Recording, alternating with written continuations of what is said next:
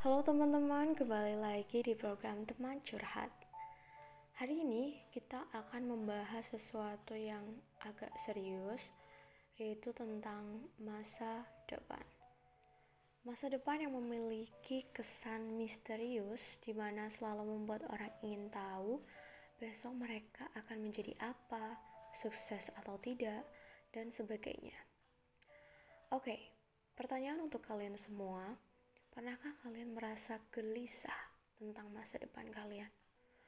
Mungkin ada yang akan bilang, enggak, hidup gue selama ini let it flow aja tuh. Tapi gue yakin, secuek apa pun kalian tentang masa depan, pasti pernah sekali terbersit dalam pikiran kalian tentang masa depan.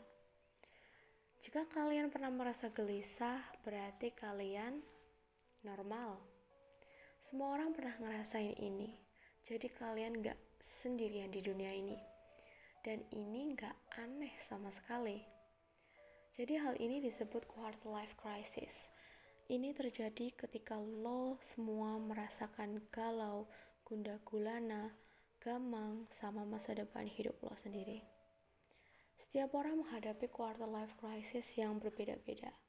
Ada yang lebih cepat ngalaminnya, dan ada yang telat banget. Kalau yang cepat itu sekitar pas kita lulus dari SMA menuju ke jenjang kuliah. Berarti sekitar umur 18 sampai 19 tahun. Di sini kayak lo mulai menentukan tujuan hidup.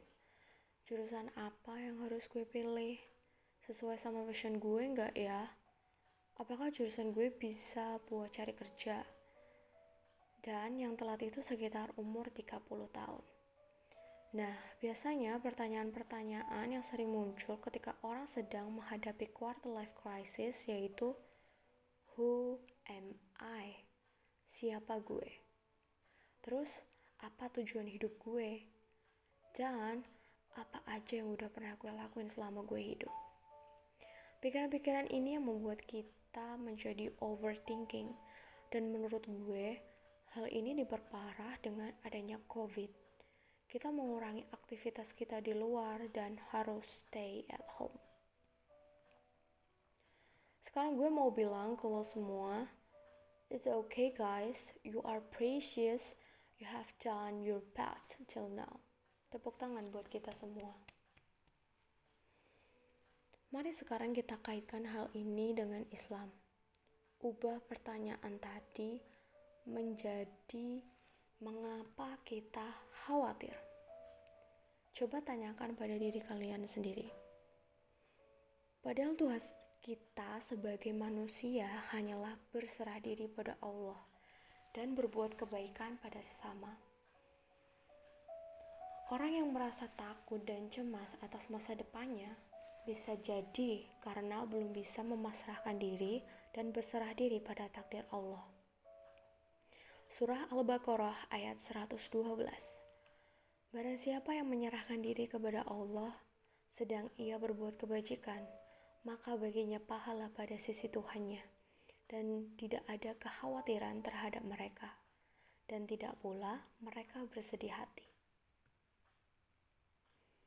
Cobalah pasrahkan hati dan biarkan Allah yang menuntun hidup kita, iringi dengan melakukan banyak kebaikan pada sesama Rasakan perlahan-lahan kecemasan hilang dari dalam hati dan ketenangan datang mengisi. Di dalam Al-Quran, Surah Al-Hadid ayat 22, Tiada suatu bencana pun yang menimpa di bumi dan tidak pula pada dirimu sendiri, melainkan telah tertulis dalam kitab Lauhul Mahfuz sebelum kami menciptakannya. Sesungguhnya yang demikian itu adalah mudah bagi Allah. Takdir kalian sudah tertulis di kitab Lauhul Mahfuz. Kapan kalian lahir, mati, dan jodoh kalian sudah tertulis. Dan juga Allah sudah menentukan kita akan menjadi orang sukses atau tidak tergantung perlakuan kita. Jika kita berusaha keras, pasti kita bisa menggapai sesuatu yang kita inginkan.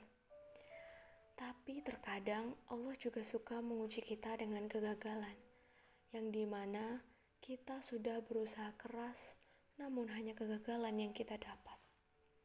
Di sini, kalian harus bisa bersikap positif, selalu optimis. Dan satu hal lagi yang mau gue sampaikan ke kalian, jangan pernah bandingkan hidup lo dengan hidup orang lain. Karena sekalinya lo ngebandingin hidup lo sama hidup orang lain, itu nggak akan ada habisnya. Jangan lupa kita dilahirkan di dunia ini dengan kemampuan yang berbeda-beda, dengan kelebihan yang berbeda pula. Jadi jangan hidup sesuai standar orang lain. Bikin standar hidup lo sendiri dan buktikan dengan standar hidup lo ini lo menjadi manusia yang lebih baik. I'm Dentara Ninta. Thank you and see you again.